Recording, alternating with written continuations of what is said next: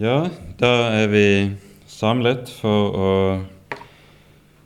søke å trenge inn i budskapet til profeten Hosea. Eh, timen i går brukte vi i all hovedsak til å plassere Hosea inn i hans samtid, slik at vi kunne forstå noe av det som var bakgrunnen for budskapet hans. I dag skal vi gå mer inn i noen av tekstene, og da er det først og fremst det første kapitlet vi tar oss tid til å stanse opp for. Og Så får vi se hvor langt vi rekker. Men la oss be sammen før vi begynner. Kjære gode Gud, Hellige Far. Så kommer vi sammen inn for ditt ansikt og takker og lover deg, Herre, for en ny dag som du har gitt oss, og med den nye dagen løftet om at du også lar din nåde være ny hver morgen. Takk, Herre, for nattens hvile. Kom, Herre, nå, og vekk våre ører, at vi kan få høre slik disipler hører. Send din Hellige Ånd, slik at ordet ditt kan nå inn i våre hjerter, og vi kan få lov til å kjenne deg, tro deg og frykte ditt hellige navn. Det ber vi for Jesus skyld, og takker og lover deg, Herre, fordi du er god, og din miskunnhet varer til evig tid. Amen. Vi leser nå innledningsvis det første kapitlet i Hosea-boken i sammenheng.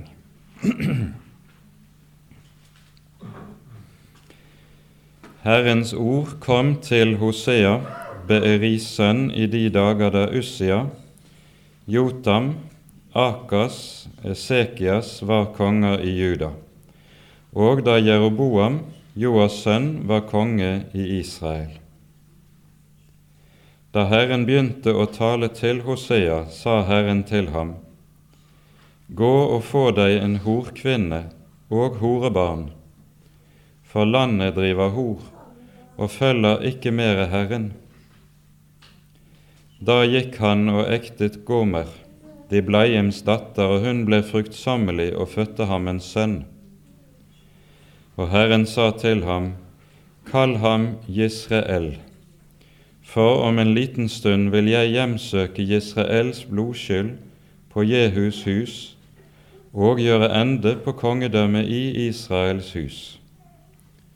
Og det skal skje på den dag at jeg sønderbryter Israels bue i Israels dal. Hun ble atter fruktsommelig og fødte en datter og han sa til ham, Kall henne Lo Rochama, for jeg vil ikke mer miskunne meg over Israels hus, så jeg skulle tilgi dem. Men over Judas hus vil jeg miskunne meg, og jeg vil frelse dem ved Herren deres Gud. Jeg vil ikke frelse dem ved bue eller sverd eller krig, ved hester eller ryttere da hun hadde avvent Lår og Hama, ble hun atter fruktsommelig og fødte en sønn. Og han sa, Kall ham Lå Ami, for dere er ikke mitt folk, og jeg vil ikke tilhøre dere. Men allikevel skal tallet på Israels barn bli som havets sand, som ikke lar seg måle eller telle, og det skal skje på det sted hvor det ble sagt til dem, Dere er ikke mitt folk, skal det sies til dem, den levende Guds barn. Og Judas barn og Israels barn skal fylke seg sammen og ta seg en høvding og dra opp av landet, for stor er Israels dag. Si da til deres brødre, Ami, og til deres søstre, Rohama. Amen. Det er jo et allment trekk ved nesten alle profetene i Det gamle testamentet at vi hører så godt som ingenting om deres personlige liv og lagnad. Det er ganske konsekvent gjennomført slik at de trer tilbake for det budskapet de er satt til å bære frem. Når vi likevel i noen sammenhenger hører om profetenes personlige liv, så er det gjennomgående slik at dette tas frem fordi Herren så å si drar deres liv inn i deres profetiske gjerning og virksomhet. Og slik er det også med det vi hører om Hosea her i denne sammenheng. Her er det slik at Herren drar profetens ekteskap, og dermed det mest grunnleggende i det personlige livet, inn i profetens historiske gjerning. Og så er det da to kapitler som nettopp er viet til dette. Det er det vi hører her i det første kapittel, og dernest også det tredje kapittelet. Profeten får altså befaling av Herren å gå og ta seg en bestemt kvinne til hustru. Det skal være en horkvinne, sies det. Og det innebærer for det første antagelig at den kvinnen som profeten her tar til hustru, er en som er kjent som en som har levet i strid med Herrens ord når det gjelder det sjette bud. Muligens det gis av det ordet som grunnteksten bruker, kan hun til og med ha drevet som skjøge. Og Det er altså en slik kvinne profeten får befaling av Herren å ta til hustru. Det er også en annen mulig forklaring på det som ligger i ordet her, og det er at den kvinnen som profeten får befaling å ta til hustru, senere, etter at profeten har tatt henne til ekte, kommer til å drive hor, og dermed også forlate ham.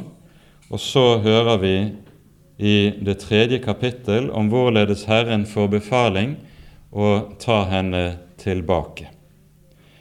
Og da har det tydelig, ut fra det vi hører i det tredje kapittel, vært slik at hennes liv, utsvevende liv, har ført henne inn i slik elendighet at hun er kommet i trelldom, og profeten får da befaling om å kjøpe henne fri for samme løsesum som en kjøper en trell, trell fri. Og så skal han ta henne til ekte igjen.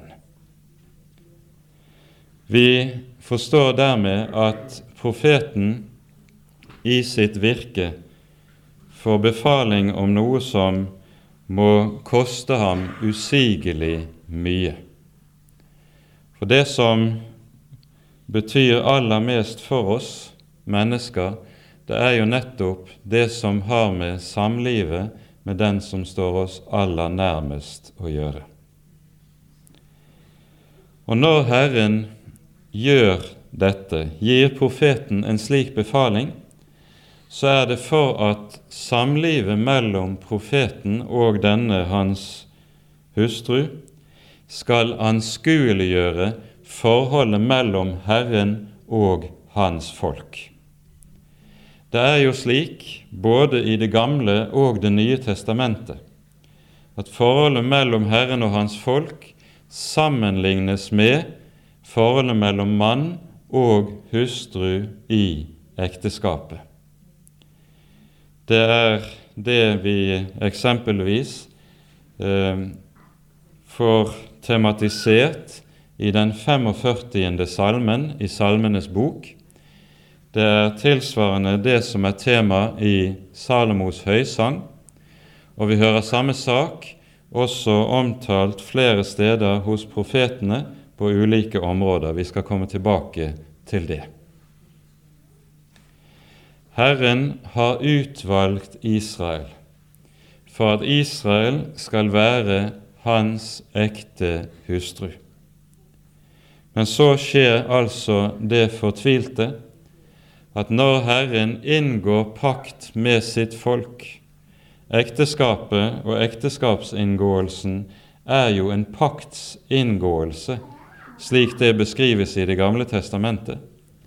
Så skjer det fortvilte derefter at Israel bryter pakten, lik en troløs hustru som hengir seg til andre menn enn sin ektefelle. Og så hører vi hos profetene hvordan Herren så å si både med sorg kaller sin hustru tilbake, og i vrede støter henne fra seg. Begge disse to grunntoner er det som lyder gjennom profetenes budskap, og hos Hosea er nettopp denne dobbeltheten, både sorgen over den tapte kjærlighet og vreden over utroskapen, noe som ånder igjennom det meste av hans budskap. Denne sorg og denne vrede, den samles i ett bestemt ord som dukker opp jevnlig i Det gamle testamentet, og det er ordet nidkjærhet. I, eh, i det de ti bud ble gitt, slik vi hører det i 2. Moseboks 20. kapittel, så sier jo Herren der Jeg, Herren, er en nidkjær Gud. I forbindelse med forbudet mot å gjøre seg avgudsbilder. Jeg, Herren, er en nidkjær Gud. Og ordet 'nidkjær' i Bibelens grunntekst det er et ord som bokstavelig betyr sjalu, eller sjalusi. Det er den reaksjon som nettopp bryter frem med stor kraft dersom den en elsker, viser seg troløs eller viser tegn på troløshet. Kjærligheten, dersom den er sann og dersom den er ekte, kan ikke tåle noen annen ved siden av. Den krever, det ligger i kjærlighetens vesen, at en vil eie den elskede alene, uten at noen annen kommer inn i forholdet og forstyrrer det.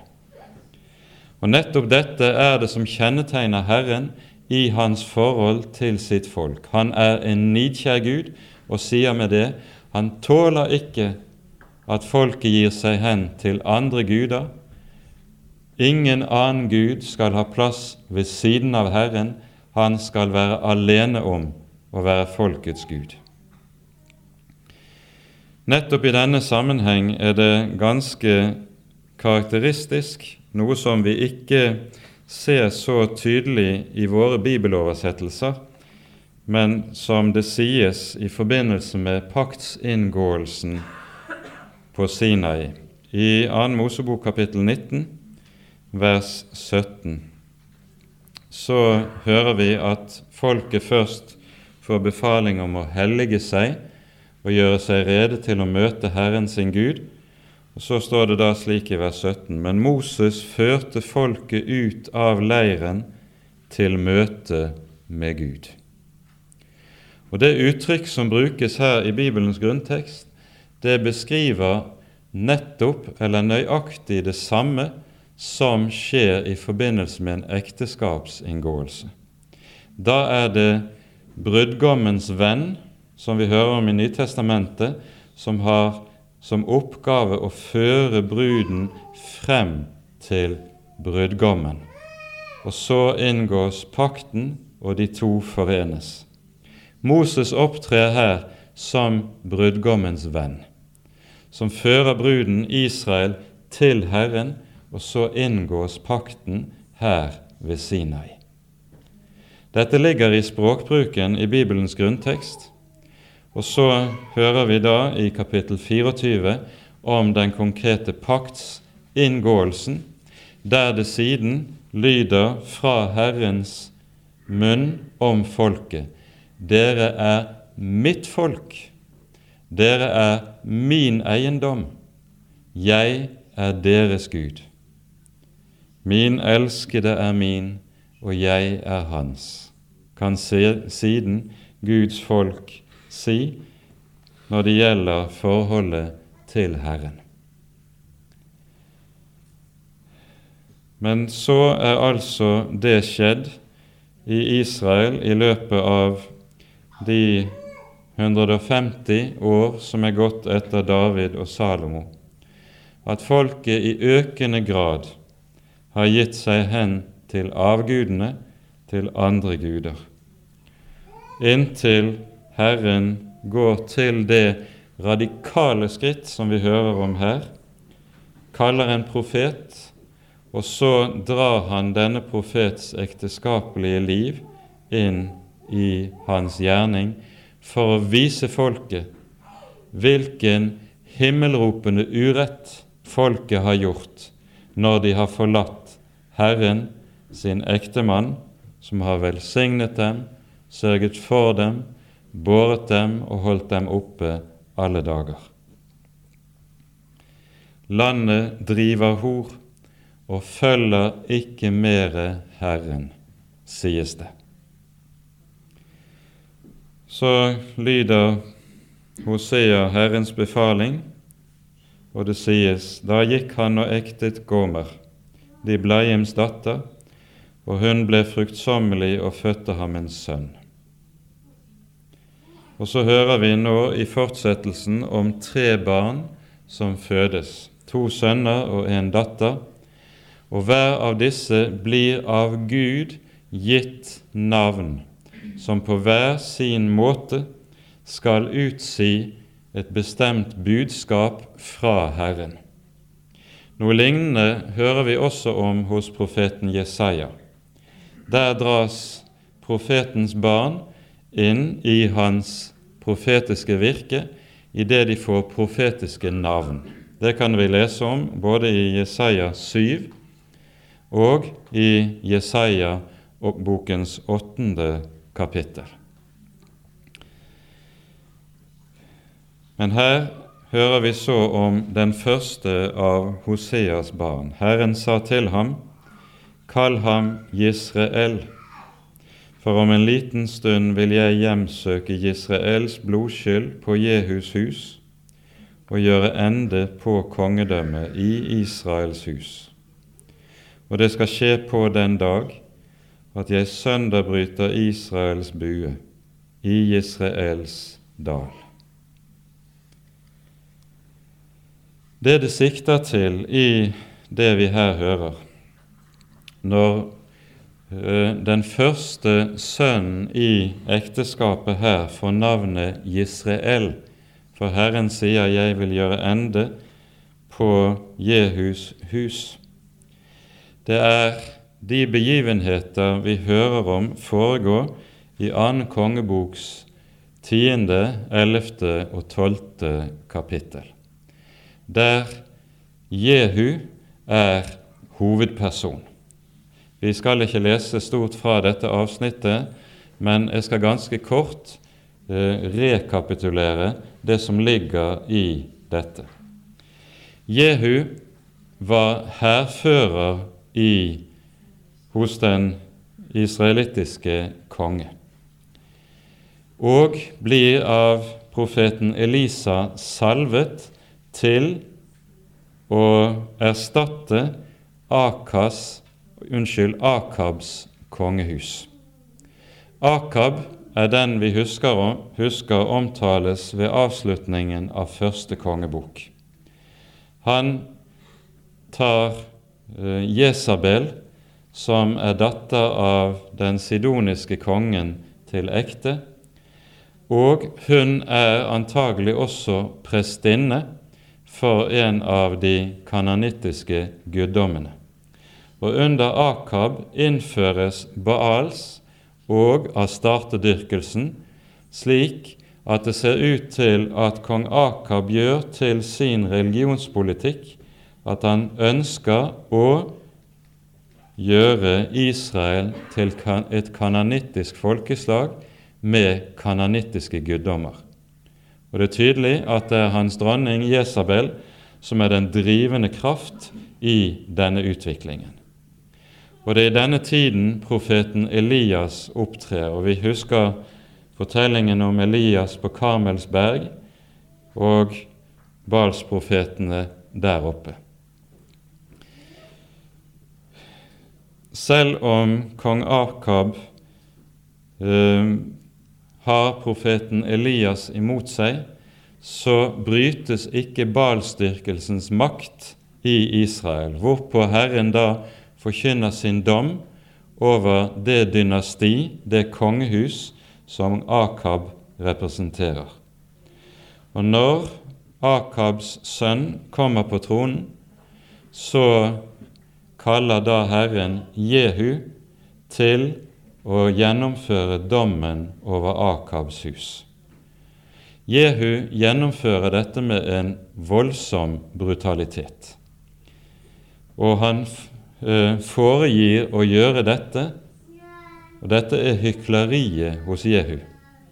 Han foregir å gjøre dette i nidkjærhet og i iver for Herrens navn. Men han gjør det, det ser vi av det som fortelles, utelukkende ut fra egen maktbegjær og maktlyst. Vi hører han tar på brutalt vis livet av alle Akabs sønner, som var 70 i tallet.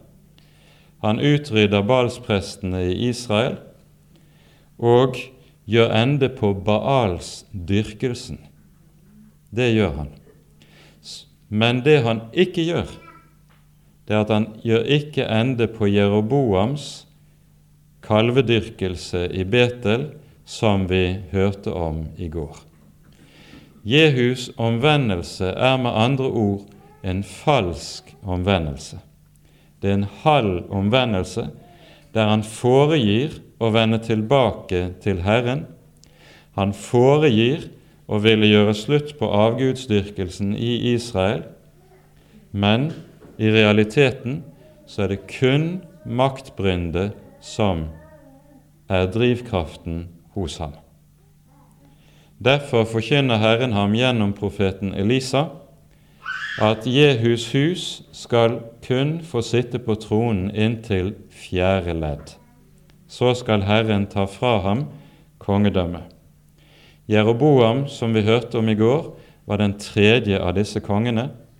Og når Jeroboams sønn kommer på tronen, sitter han der bare i et halvt år, hvorpå han styrtes, myrdes offentlig av en av livvaktene som heter Salum, som så igjen myrdes av lederen for hæren, som ble sittende på tronen i knappe ti år.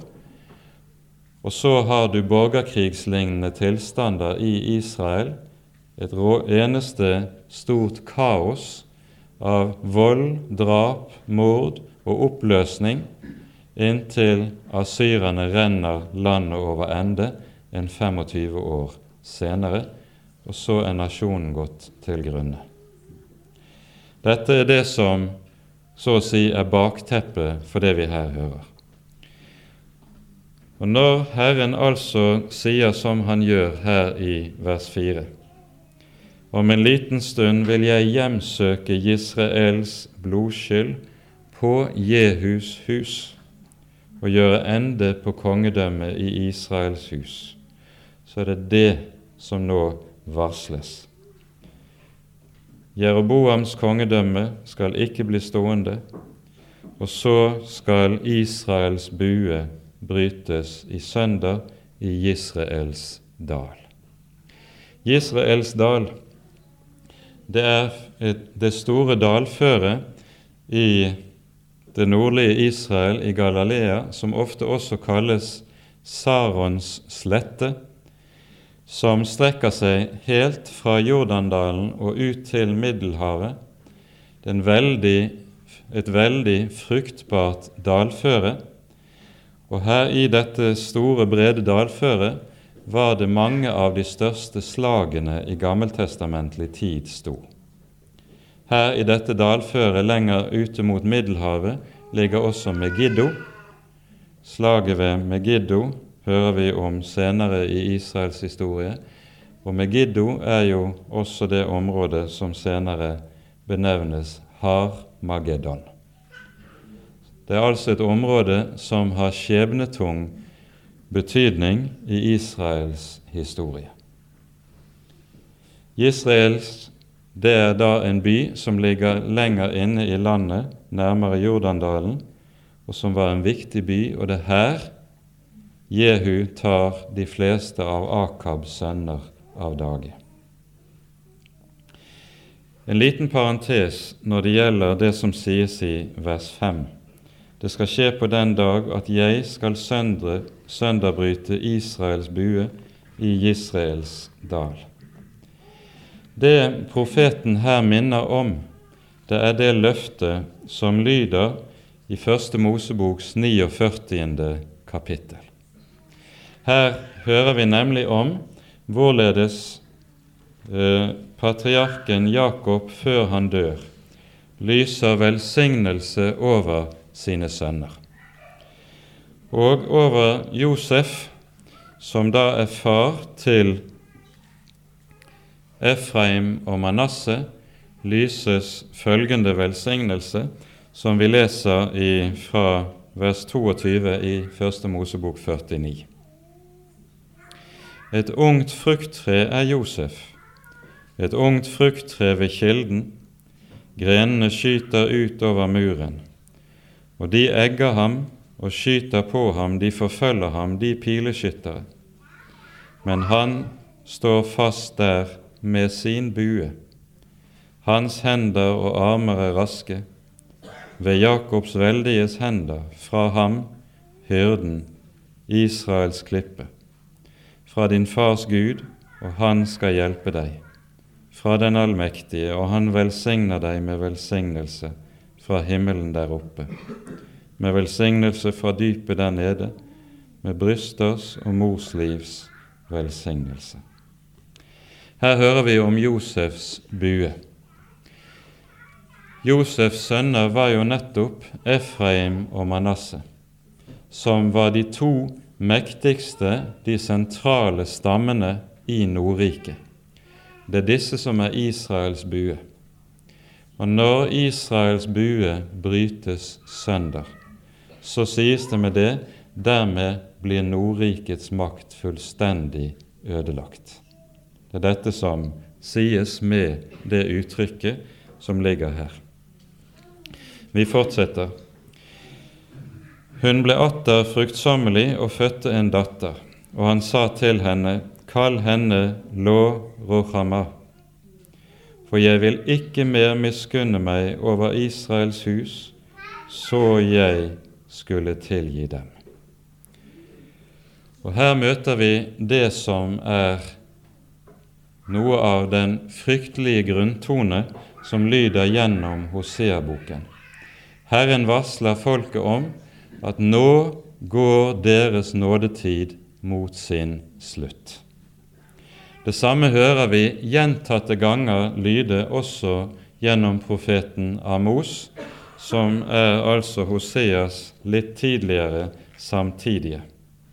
Hvis vi blar opp hos Amos i det syvende kapittelet, så vil dere kunne se i kapittel 7, vers 8, sies det slik Ved slutten av verset sier Herren, Jeg vil ikke lenger bære over med dets synd. Og Det samme gjentas så i kapittel 8, vers 2 der Herren sier, 'Jeg vil ikke lenger bære over med dets synd'. Herren har vært langmodig. Herren har vært langmodig med dette folk langt, langt utover rimelighetens grenser. Men også hos Herren har langmodigheten en grense. Og det er det Herren nå varsler, at denne grensen nærmer seg. Jeg vil ikke mer tilgi. Jeg vil ikke mer være nådig. Også her har vi et ordspill i grunnteksten som ikke kommer frem hos oss i våre oversettelser. For det er jo slik vi leste velsignelsen over Josef fra Første Mosebok 49 i sted. Navnet Josef kommer av et verb som betyr å formere, øke eller å fortsette noe som allerede er påbegynt. Det Gud sier her, det, dette vers, verbet brukes her i dette vers, verset, og Herren sier 'Jeg vil ikke fortsette'. Jeg vil ikke øke min nåde og min miskunnhet. Det er altså at han så å si spiller på det navn, Josef-navnet, og sier 'Nå vil jeg ikke mer øke min miskunnhet mot dere'. Nå er det slutt. Og så heter datteren som fødes, Lo Rohama. Rohama det er det hebraiske ordet som vanligvis betyr barmhjertighet. Og det kommer av et ord i Bibelen som egentlig betyr morsliv. Og barmhjertighet i denne betydning, det betegner altså den omsorg som en mor har for sitt barn. Og En sterkere omsorg finnes vel ikke blant menneskene. En mor kan bære omsorg for barnet sitt om barnet enn forgår seg mangfoldige ganger. Det skal uhyre mye til for at mors omsorg tar slutt. Men og nettopp slik er det når det gjelder Herrens omsorg, nåde og barmhjertighet mot sitt folk. Han formerer sin nåde langt, langt utover rimelighetens grenser. Men nå er altså grensen til slutt nådd. Jeg vil ikke mer miskunne meg, så jeg skulle tilgi dem. I dette føyes det inn et løfte over Sydriket i det neste vers 7. Og på ny dras forbindelseslinjene til det som videre foregår med Guds folk i denne perioden. Som nevnt i går, vi er inne i den, det asyriske verdensrikes periode. Og Det som skjer nå i hele det palestinske området, er at det asyriske verdensriket det er jo en, representerer en voldsom militærmakt. De har ekspandert østover, nordover, sydover, og nå trenger de vestover. Asyrerne er et røverfolk som lever av bytte de tar idet de erobrer andre folkeslag. Og De hadde i datiden en militærmakt som var av en slik art at det var ingen av folkene i Midtøsten-området som var i stand til å stå seg mot dem. Derfor ekspanderer de i hele denne perioden stadig med nye erobringer. Og Det som når vi nå er inne på 800-tallet, midt på 800-tallet, før Kristus, rundt altså 750, så har asyrerne satt seg sitt viktigste mål. De ønsker å erobre Egypt, som jo bugnet av rikdom, som var verdens kornkammer. Det er deres store mål. Men dermed blir også landområdene i Kanan, Israels land, det blir oppmarsjområdet for den asyriske erobringen. Her står da Nordriket i veien og Sydriket i veien.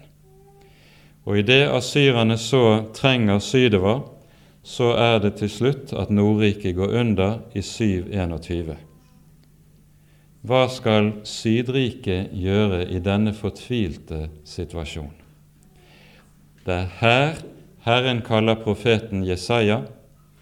Det er her Herren reiser opp en konge i Jerusalem som frykter Herren, nemlig Esekias eller Hiskia.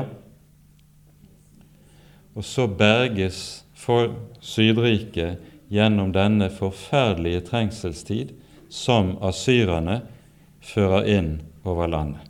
Og det er denne berging som profeteres her i det syvende verset som vi leser nå.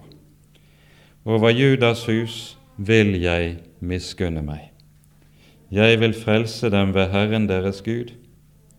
Jeg vil ikke frelse dem ved bue eller sverd eller krig, ved hester eller ryttere. Legg merke til det som her sies. Så vil du lese om hvorledes denne utfrielsen av Jerusalem og Juda skjer og går i dette løftet går i oppfyllelse. Så kan du lese Jesaja-boken kapittel 36 til og med 38. Her beskrives dette inngående. Og skal vi samle det hele i en kort sum, det som foregår i Sydriket i disse årene, så kan det ikke skje bedre enn ved ordet i Jesaja 30, 15. Der sier, taler Herren til eh, kongen i Juda og sier:" Dersom dere vender om og holder dere rolige. Da skal dere frelses. I stillhet og i tillit skal deres styrke være. Når nemlig profeten Jesaja sier til folket ved denne anledning dersom dere vender om og holder dere rolige, da skal dere frelses. Hva er det han sikter til med det? Jo, Juda så jo trusselen som kom fra nord med asyrerne. Og Så begynner de å se seg om og tenke hvor skal vi få hjelp, slik at vi kan stå oss mot denne veldige militære overmakt som kommer mot oss nordfra. Og så se, se, vender det øynene deres seg mot Egypt og tenker egypterne de vil sikkert hjelpe. De har jo også sin egeninteresse i det å hjelpe oss i å kunne stå oss mot asyrerne. Og så sender kongen i Jerusalem ambassadører til Egypt for å hente, inngå militær allianse, hente våpen, styrker som kan hjelpe han til å stille opp mot asyrerne. Det viser seg at Egypt svikter. De stiller ikke opp i det hele tatt når dagen kommer. Men da har Herren allerede gitt sitt løfte og sier:" Dersom dere vender om og holder dere i ro, da skal dere frelses. Dere skal ikke dra til Egypt og søke etter hjelp. Dere skal vende deres øyne til meg. Dere skal holde dere ro. I stillhet og i tillit skal deres styrke være. Det Herren altså gir Juda løfte om, det er en utfrielse som svarer ganske nøyaktig til det som skjedde da Israel ble utfridd fra fangenskapet i Egypt. Da lød det til folket ved Det røde hav. Herren skal stride for dere, og dere skal være stille. Utfrielsen kom ved Herrens arm og ved Herrens hånd, ikke ved noe menneskes hånd. Israel kunne ikke og var ikke i stand til å gjøre noe som helst til eller fra. De var ene og alene avhengig av at Herren selv bøyde seg til dem og grep inn og reddet dem. I Salme 35 står det slik når David ber til Herren.: Du frir den elendige fra den som er ham for sterk. Og det er nettopp det Herren gjør med sitt folk ved denne anledning når det taler om Jerusalem og Sydriket. De utfris i ordets mest bokstavelige forstand, ikke ved sverd eller bue, ikke ved hest eller rytter, men ved Herrens navn. Så kommer fortsettelsen i vers 8, da hun hadde avvent Lorohamar, ble hun atter fruktsommelig og fødte en sønn, og Herren sa, Kall ham Lo-ami. For dere er ikke mitt folk, og jeg vil ikke høre dere til. Det som Herren sier her, Lo-ami, det betyr bokstavelig 'ikke mitt folk'. Det er en setning som er nøyaktig det motsatte av det som lød til Israel da folket sto ved Sinai berg. Vi blar tilbake til 2. Moseboks 19. kapittel.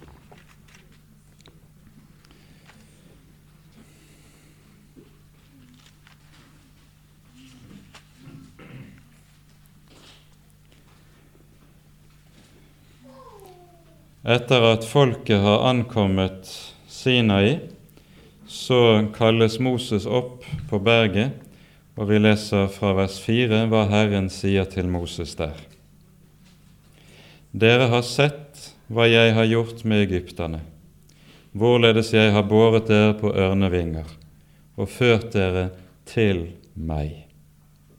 Dersom dere nå lyder min røst og holder min pakt, da skal dere være min eiendom fremfor alle folk, for hele jorden hører meg til.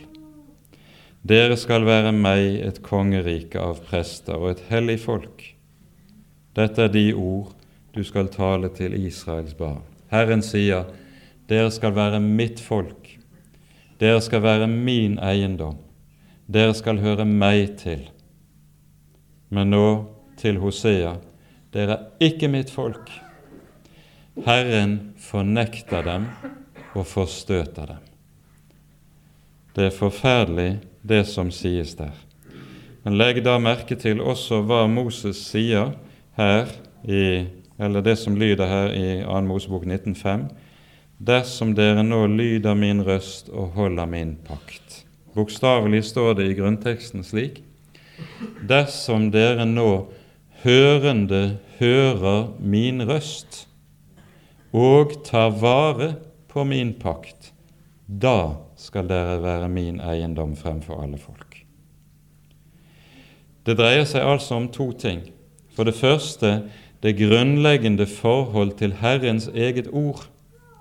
Dersom dere hørende hører min røst, og dernest dersom dere tar vare på min pakt. For det er ektepakten det er tale om den pakt Herren inngår med folket. Og så er det nettopp disse to ting Israel har brutt. De har brutt pakten som en troløs hustru overfor sin mann. Og de har ikke hørt på Herren sin Guds røst. Og dette siste er det fremste kjennetegn ved Israel i frafallstiden. De er det folk som ikke hører Herren sin Guds ord og Herren sin Guds røst. Og så drar Herren selv konklusjonen dere er ikke mitt folk. Det er forferdelige ord når Herren taler slik. Hadde dette kapittelet sluttet med det, så hadde det sluttet med bare mørke. Men det vi så får høre, er at det munner ut i det motsatte. Den dom som Herren nå innvarsler for folket, den skal i sin tid snus om til oppreisning og til frelse igjen. Vi leser vers 10 og vers 11. Allikevel skal tallet på Israels barn bli som havets sand, som ikke lar seg måle eller telle, og det skal skje på det sted hvor det ble sagt til dem:" Dere er ikke mitt folk, skal det sies til dem, den levende Guds barn. Og Judas barn og Israels barn skal fylke seg sammen og ta seg én høvding og dra opp av landet, for stor er Israels dag. Når det sies i vers 11, som vi hører, Judas barn og Israels barn skal fylke seg sammen og ta én høvding eller én fyrste. Så siktes det til noe ganske bestemt, nemlig det brudd mellom Nordriket og Sydriket som skjedde etter Salomos død, skal leges. Folket ble delt, enheten ble ødelagt, og de i nord de hadde jo nettopp det som kjennetegn de brøt med Davids hus. Det siste verset i kapittel 3 det taler om samme sak. Deretter skal Israels barn vende om og søke Herren sin Gud og David sin konge. Bevende skal de søke Herren og Hans gaver i de siste dager. Det som vi nå ser begynner å tegne seg for våre øyne, det er at mens Hosea, og med ham ser vi de øvrige gammeltestamentlige profeter tale på samme måte, mens disse profetene varsler det kjødelige Israels undergang i dommen, så reiser det seg jo et grunnleggende problem. Hva da med Herrens løfte? Herrens løfte til David? Hva da med det løftet om frelse som skulle komme? Og så løftes blikket, og midt igjennom budskapet om de fryktelige dommer som ligger foran, så kommer løftet om den kommende Messias til å lyse klarere og klarere nettopp i de domstider som folket nå går inn i. Og så kommer altså nettopp her, mens mørket siger på, det løftet som skinner lik morgenstjernen, til å forkynne stadig klarere og med stadig større kraft. Det vi hørte i det femte verset i kapittel tre, det er bemerkelsesverdig. Deretter skal Israels barn vende om og søke Herren sin Gud og David sin konge. Det er nemlig slik i Det gamle testamentet at flere steder så kalles Messias rett og slett for David.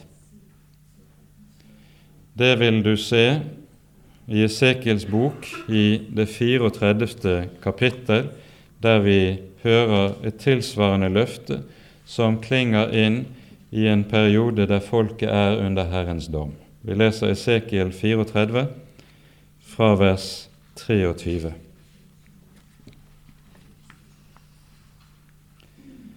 Herren lover folket og sier, Jeg vil oppreise én hyrde over dem han skal røkte dem, min tjener David, han skal røkte dem, han skal være deres hyrde. Og jeg, Herren, vil være deres Gud, og min tjener David skal være fyrste blant dem. Jeg, Herren, har talt. Det er i tråd med disse løfter at Jesus ofte kalles Davids sønn. Og det er i tråd med det vi leser hos Esekiel, at Jesus taler om seg selv i Johannesevangeliets tiende kapittel som den gode hyrde. Og vi skal merke oss de ord vi leser her hos Esekiel i det 34. kapittel. Det er ord som nettopp er talt til Sydrikets folk i fangenskapet i Babylon. De har opplevd dommen. De har opplevd å bli ført i landflyktighet. Men så lover Herren dem dommen er ikke det siste. Jeg vil oppreise én hyrde over dem. Han skal røkte dem. Han skal ta seg av dem. Og så trer Jesus frem og sier, 'Jeg er den gode hyrde'. Jeg gir mitt liv for fårene. Og så blir det dette underlige som lyser frem av dette budskap, at når det er tale om den veldige Guds dom, så er det denne hyrde som tar på seg den frykteligste av alle dommer. Det er David, og det er Davids gave som kommer i de siste dager. Allerede profeten Elias fikk høre, etter at han hadde flyktet fra Jesabels vrede. Vi leser om det i første kongeboks 19. kapittel. Så flykter han jo til Sinai berg for å søke Herren. Og så klager han sin nød for Herren og sier 'Jeg har vært nidkjær for Herren og Herrens navn'. Og hva gagn hadde vært i det? Jeg er alene tilbake i Israel. Hvorpå Herren svarer ham, du er ikke alene. Jeg har enda levnet 7000 som ikke har bøyet kne for Bal. Herren sørger for, selv i disse tider, å levne en rest for sitt navn, en rest som ikke bøyer kne for Bal. Denne rest skal han berge.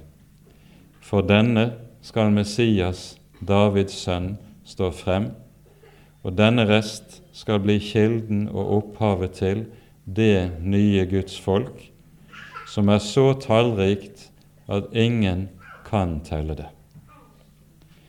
Og så ser vi da noe som er helt karakteristisk for Det gamle testamentets Messias-profeti hele veien.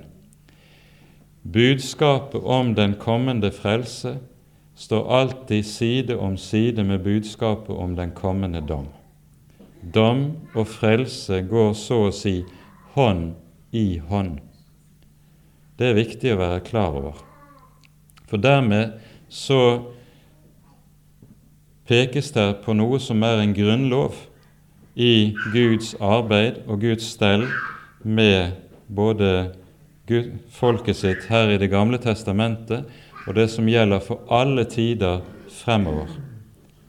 Herren døder og gjør levende. Disse to gjerninger de gjelder både inn i vårt personlige liv, og det gjelder i Guds folks liv som fellesskap. Herren døder og gjør levende. Slik at hemmeligheten er den han kan bare gjøre levende ved at han også får lov til å døde. Derfor er det vi ser dette trekk ved Det gamle testamentets Messias-profeti som vi her har pekt på. Dom og frelse går hånd i hånd.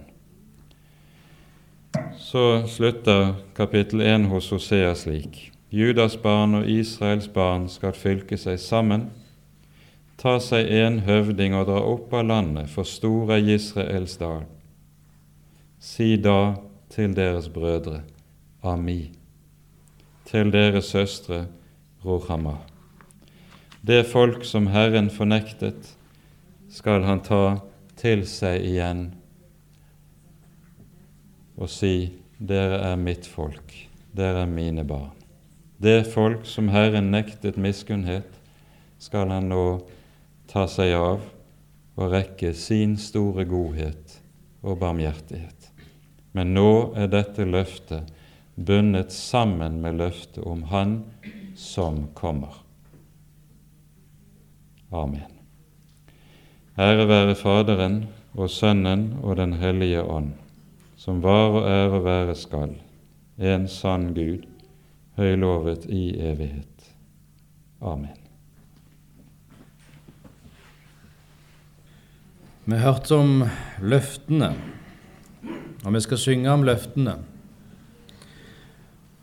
Tenk så stort at Guds løfte om frelse, det gjelder oss òg. Og det gjelder selv om vi kan oppleve motgang og problemer og frafallstider. Jeg føler det at de frafallstidene som Hosea levde midt i, det føler jeg på mange måter vi òg lever midt i frafallstider. Og Da gjelder det om til å se på Guds løfte, da som nå, og at vi da fester lit til Gud og Hans løfte, at vi tror selv om andre svikter. Tro selv om vennene svikter. Tenk så forferdelig hvis vennene svikter. men Gud, han holder sine løfter. Skal vi synge nummer 364?